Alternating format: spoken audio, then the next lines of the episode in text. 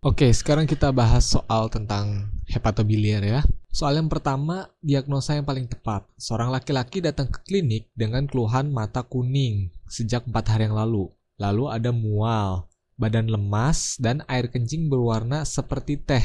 Nah, satu minggu yang lalu terdapat peningkatan suhu tubuh yang tidak begitu tinggi. Lalu, dialami juga oleh teman satu kos. Dari pemeriksaan fisik, sklera ikterik ya, lalu hepar teraba membesar, dan ada nyeri tekan. Pemeriksaan penunjang didapatkan bilirubin total 8,4, SGOT meningkat, SGPT juga meningkat. Nah, oke, okay, jadi dia ada ikterik. Nah, ikterik ini sebenarnya dibagi jadi tiga, ada yang prehepatik, ada yang hepatik, dan poshepatik. Nah, kalau prehepatik ini sebab-sebab kayak hemolitik. Nah, kalau hepatik ini sebab-sebab dari heparnya sendiri, bisa aja hepatitis, bisa steatosis, bisa sirosis dan lain sebagainya. Kalau misalnya yang poshepatik adalah kelainan di sistem biliar. Jadi ini hemolitik, ini di heparnya, dan ini kelainan di sistem biliar. Oke, kita bahas dulu. Jadi kalau misalnya pada prehepatik atau pada hemolitik, dia ini yang meningkat adalah unconjugated bilirubin. Kenapa unconjugated yang meningkat? Karena proses konjugasi ini terjadi di hepar. Nah, bilirubin ini kan dihasilkan oleh sel darah merah yang dipecah. Nah, sedangkan bilirubinnya aja belum nyampe ke hepar, masih di prehepatik, masih dalam pembuluh darah karena hemolitiknya terjadi di pembuluh darah ya kan. Makanya dia pasti yang unconjugated, unconjugated yang meningkat. Sedangkan kalau hepatik dia ini dua-duanya yang meningkat baik yang conjugated maupun yang unconjugated. Kenapa? Karena bilirubin yang ada di hepar ini dia diprosesnya kan di dalam hepatoseluler nih. Hepatoselulernya banyak yang rusak. Hepatoseluler rusak, ada bilirubin yang udah terproses jadi conjugated, tapi ada juga yang belum terkonjugasi ikut keluar dari hepatoseluler. Jadinya dua-duanya meningkat. Nah, kalau obstruktif atau poshepatik udah jelas karena kelainannya di sistem biliar, artinya bilirubin yang udah dari heparnya udah dikeluarin, tapi mampet nih di sini. Akhirnya dia keserap lagi ke dalam darah. Makanya dia yang conjugated aja yang meningkat. Oke, okay? bedanya di situ. AST-ALT-nya kalau misalnya di prehepatik jelas AST-ALT ini kan enzim yang ada di dalam sel hepar. Kalau ini nggak ada hubungan sama sel hepar pasti normal. Nah kalau yang hepatik pasti meningkat di post hepatik ini normal tapi bisa meningkat sedikit kalau dia ini obstruksinya udah parah. Kan kalau misalnya dia obstruksi terus menerus bakal ke atas kan? Nah obstruksi di daerah sampai ke kanalikuli yang ada di hepar bisa menyebabkan AST-ALT sedikit meningkat juga. Nah yang ngebedain pada post hepatik gamma GT yang meningkat. Pokoknya kalau udah lihat gamma GT meningkat ini udah pasti obstruktif aja gitu. Dan kalau misalnya dari lihat dari stoolnya atau dari BAB-nya. Kalau prehepatik darker, kalau hepatik pale atau grease, kalau post hepatik dia kayak dempul. Kenapa kayak dempul? Karena bilirubin ini sebenarnya kan dia dikeluarkan ke duodenum ya. Sedangkan ini nggak ada sama sekali yang masuk ke duodenum karena adanya obstruksi. Jadi pasti BAB-nya seperti dempul atau clay colored kalau di bahasa Inggrisnya. Nah, sedangkan kalau kita lihat di pasien, dia ini berwarna kuning seperti teh, ya kan? Dan ada demam. Demam yang tidak begitu tinggi lalu dilanjutkan dengan adanya fase ikterik ini khas pada hepatitis. Nah, terus juga ada sklera yang ikterik dan hepar teraba membesar. Tuh ada pembesaran hepar. Pembesaran hepar ini berarti artinya ada masalah pada heparnya. Disertai nyeri tekan pula. Dan ada SGOT, SGPT yang meningkatnya drastis nih. Meningkatnya sampai 10 kali lipat lebih nih, ya kan? Jadi masalahnya ini pasti hepatik, ya kan? Tuh, berarti masalahnya di sini. Oke, sekarang masalahnya yang mana hepatitisnya? Oke, hepatitis ini secara transmisinya dibagi jadi dua. Yang fekal oral tuh cuman A sama yang E. Sisanya adalah parenteral, lewat darah atau cairan tubuh. Nah, untuk yang fekal oral ini artinya apa? Berarti dia lewat makan makanan gitu. Dan khasnya yang ada di fekal oral ini dia pasti membuat semacam wabah gitu. Jadi orang yang di sekitarnya yang kemungkinan uh, makan makanan yang sama, misalnya pada satu sekolah karena makan di kantin yang sama, atau di kondangan, atau di satu kos misalnya pada soal ini, berarti dia makan makanan yang relatif sama kan, jadi penularannya lewat fekal oral nih, tanda-tandanya berarti antara A dan E, oke? Okay? Sedangkan pada B, C, dan D itu lewat darah atau cairan tubuh. Nah, tapi yang paling sering ini adalah hepatitis yang A. Dan kalau kita lihat di jawabannya cuma ada yang A ya, nggak ada yang E. Ya berarti jawabannya yang hepatitis A, virus akut. Yang nomor berikutnya, dari soal di atas terapi yang paling tepat adalah oke. Okay, untuk hepatitis A itu merupakan self-limited disease ya. Jadi sebenarnya dia bakal sembuh sendiri, nggak perlu pakai obat-obatan yang kausatif, misalnya antivirus dan lain-lain. Oke, dan untuk pengobatannya berarti cuman istirahat, suportif dan juga simptomatik.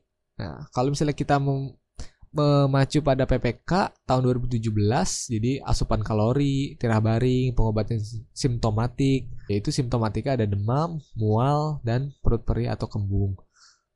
Nah, sedangkan pada soal ini ada hepatoprotektor ini termasuk pada yang suportifnya. Jadi intinya adalah suportif, simptomatik dan juga istirahat atau tirah baring. Jawabannya yang C. Oke, soal berikutnya tanya diagnosa yang tepat lagi.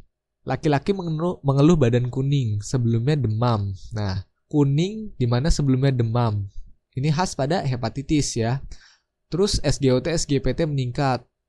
Peningkatannya drastis lagi lebih dari 10 kali lipat. Berarti masalahnya di hepar ya. Bilirubin total meningkat, tapi anti HAV negatif.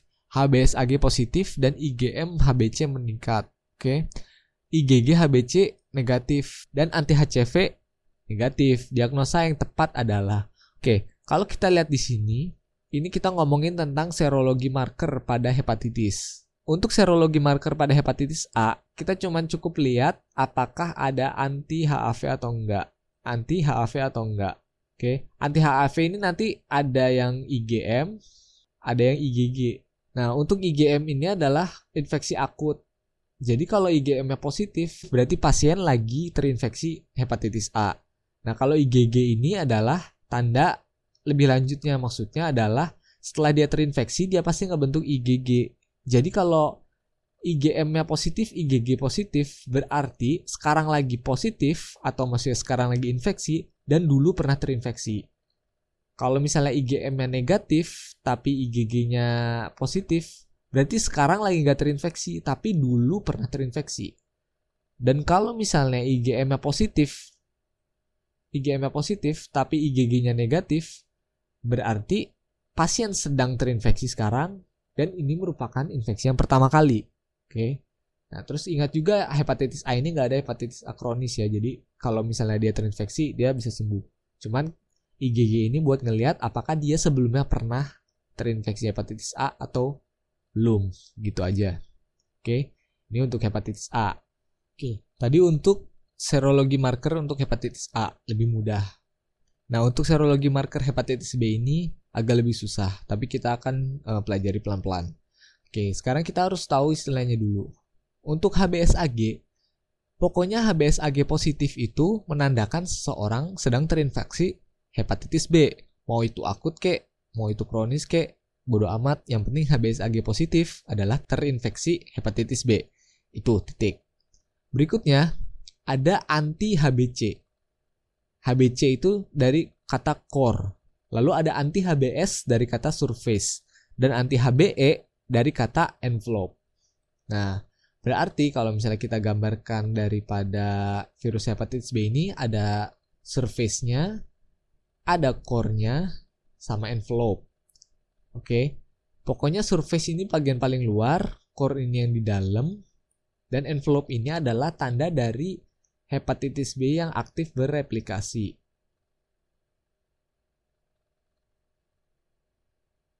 Oke. Nah, biasanya kita yang bingung itu adalah apakah dia hepatitis yang akut ya kan? Apakah dia hepatitis yang kronis atau dia yang pernah vaksin ya kan? Nah, sekarang bedanya gini deh. Kira-kira kan tadi HBsAg pokoknya dia udah pasti terinfeksi, mau itu akut mau itu kronis ya kan. Nah, sekarang kita tinggal lihat antara akut, kronis dan vaksin yang terinfeksi hepatitis B itu yang mana? Yang akut dan kronis dong. Berarti HBsAg itu cuma ada di sini sama di sini. Sedangkan pada yang vaksin HBsAg-nya negatif. Ya kan? Nah, sekarang kalau orang terinfeksi secara akut, ya kan, anti terhadap core-nya pasti positif nggak? Positif, tapi yang IgM. Sedangkan yang kronis positif juga, tapi yang IgM dan IgG-nya. Konsepnya sama kayak yang tadi yang hepatitis A. Kalau yang M itu pas akutnya, sedangkan yang IgG-nya itu yang kronisnya. Nah, pada yang vaksin nih, core-nya itu ada nggak? Nggak ada. Kenapa nggak ada? Karena pada vaksin ini dia dimasukkan virus hepatitis B yang udah dilemahkan. Jadi ibaratnya dia ini dikasih imun untuk yang surface-nya nih. Jadi tanda pada yang vaksin ini dia punya antigen terhadap surface-nya tapi terhadap core-nya dia nggak ada karena dia nggak pernah kemasukan virus yang aslinya.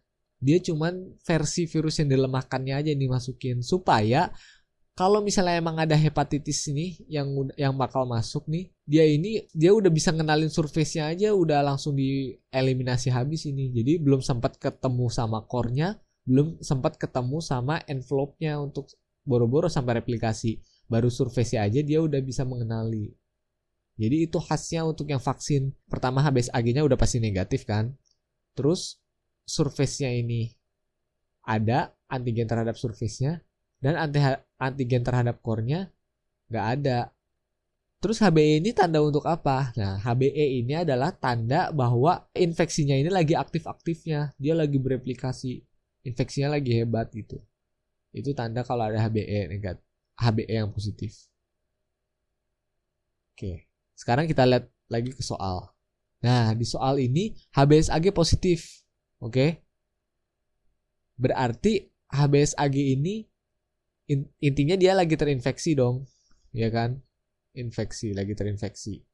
Infeksi yang mana? Apakah yang akut atau yang kronis kan? Kalau kita lihat dari HBsAg-nya aja. Nah, kita lihat HBC.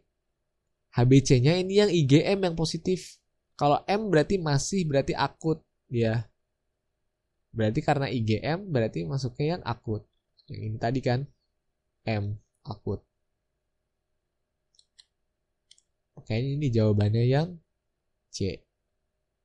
Oke. Kalau yang kronis gimana? Ya berarti IgG-nya positif juga. Ininya jadi positif. Kalau dia yang kronis. Kalau dia yang pernah vaksin, berarti HBsAg-nya negatif. Terus anti HBS anti HBS-nya positif tapi anti HBC-nya semuanya negatif. Itu kalau yang udah vaksin. Jadi pahami ya. Pokoknya intinya harus tahu istilah aja dulu. HBsAg itu untuk apa, nandain apa. C atau core itu nandain apa, surface itu nandain apa. Insya Allah ngerti konsep dari serologi marker untuk hepatitis B. Kalau ada pertanyaan boleh komen bawah. Oke sekarang yang nomor 4 ditanya kemungkinan diagnosisnya. Wanita 45 tahun nyeri perut kanan atas. Udah dua hari disertai demam, ini ada demam, kuning juga, dan mual muntah. Tanda vital suhunya 38,5 tapi yang yang lainnya normal dan sklera ikterik kemungkinan diagnosis pada pasien. Oke, dari sini kita udah bisa lihat bahwa nyeri perut kanan atas disertai kuning, demam dan muntah ini lebih ke kelainan pada biliaris ya. Jadi DD-nya ada kolelitiasis, koledokolitiasis, kolesistitis dan kolangitis. Untuk hepatitis ini enggak ya. Kalau hepatitis itu pasti ada gambaran kerusakan hepar. Misalnya ada hepatomegali disertai nyeritakan dan juga ada SGT SGPT. Jadi di antara empat ini. Sekarang kita gimana sih ngebedain keempat ini? Kita harus tahu konsepnya dulu. Oke. Ada kolelitiasis dan koledokolitiasis. Ini artinya batu kan, lihat itu kan artinya batu. Dan dia nggak ada itis, artinya nggak ada peradangan. Nah, bedanya adalah cuma letak dari batunya. Kalau kolelitiasis letak batunya di sini, ya kan? Kalau koledokolitiasis letaknya di common bile duct di sini. Ya kan? Ini common bile duct nah berarti dari sini kita bisa tahu dong bedanya apa. Pertama yang dia nggak ada itisnya udah jelas gak ada demam. Temperatur dan leukositnya pasti normal. Jadi demam pasti negatif. Ini juga demam pasti negatif nah tapi kalau dia batunya di sini ataupun dia nyempil di sinilah ibaratkan bakal bikin kuning nggak kalau misalnya si kolelitiasis ini? Enggak ya, karena si balnya masih bisa dari sini. Dari hepar langsung ke usus. Ya kan? Nah, bedanya kalau koledokolitiasis, dia ini batunya di sini. Kira-kira dari hepar maupun dari gallbladder ada yang bisa masuk ke usus nggak? Nggak. Jadi artinya bakal ada sumbatan sehingga bakal ada kuning. Jadi ini bakal kuning positif. Kalau yang ini kuningnya negatif. Nah, terus karena dia nggak bisa keluar nih ke sini, kira-kira ada bilirubin yang bisa mewarnai feses nggak? Nggak ada ya kalau misalnya di koledokolitiasis. Jadinya warna BAB-nya kayak dempul. BAB-nya pucat. positif kalau di koledokolitiasis. Nah, sekarang bedanya kolesistitis sama kolangitis apa? Kalau kolesistitis ibaratnya batunya di sini tapi dia ada tanda-tanda peradangan, ada demamnya positif, leukositnya meningkat. Itu yang kolesistitis. Nah, kalau kolangitis itu yang batunya di sini dan menyebabkan inflamasi. Jadi selain ada demam positif, leukositnya meningkat, ada juga kuning. Nah, ini dia ringkasannya. Jadi kolangitis udah jelas ada nyeri kanan atas semuanya ya empat-empatnya. Nyeri tekan ini kolelitiasis dan koledikuliasis enggak karena dia belum ada peradangan, sedangkan ini ada. Lalu demam ada pada kolesistitis dan kolangitis. Yang ngebedakannya apa? Ikterusnya. Kalau kolangitis ini dia ikterus. Disebut dengan Charcot striate yaitu jaundice, right upper quadrant pain, dan fever. Kalau dia ini nggak tertangani dan sampai ke komplikasinya yaitu disebut dengan Raynaud pentat yaitu ditambah dengan hipotensi dan confusion. Ini sebenarnya adalah gambaran dari sepsis. Jadi itisnya di kolang itis ini udah hebat sampai dia masuk ke sepsis nih ada hipotensi dan juga confusion atau penurunan kesadaran. Gitu. Jadi kalau pada pasien ini dia nyeri perut kanan atas terus ada demam dan ada ikterik. Berarti dia masuk ke ke yang kolangitis ya. Ikteriknya berarti karena ada obstruksi dari common bile duct gitu Nah, untuk pemeriksaan yang tepat adalah oke. Okay, jadi kita harus tahu dulu bahwa batu daripada di sistem biliar ini yang paling sering ada batu kolesterol ya. Kolesterol. Nah, faktor risikonya juga kan disebut dengan 4F. Yaitu ada female, fat, fertile, terus 40. Jadi dia ini sebenarnya faktor risiko terhadap hiperkolesterolemia pada cewek terutama kan karena dia punya estrogen jadi dia lebih cenderung menumpuk lemak gitu kan. Terus juga ada fat jelas karena lemak. Jadi kolesterol. Nah kalau batu kolesterol dia tentu aja nggak bisa difoto atau maksudnya secara ronsen dia pasti radiolusen yang nggak akan tertangkap oleh foto ronsen. Jadi yang paling bagus adalah dengan USG di mana nanti bisa lihat yang namanya acoustic shadow jadi nanti di sini kelihatan batunya, nanti di sini ada akustik shadow-nya. Karena dia batunya yang radiolusen, jadi pakai BNO pasti nggak akan kelihatan. Jadi pakainya USG.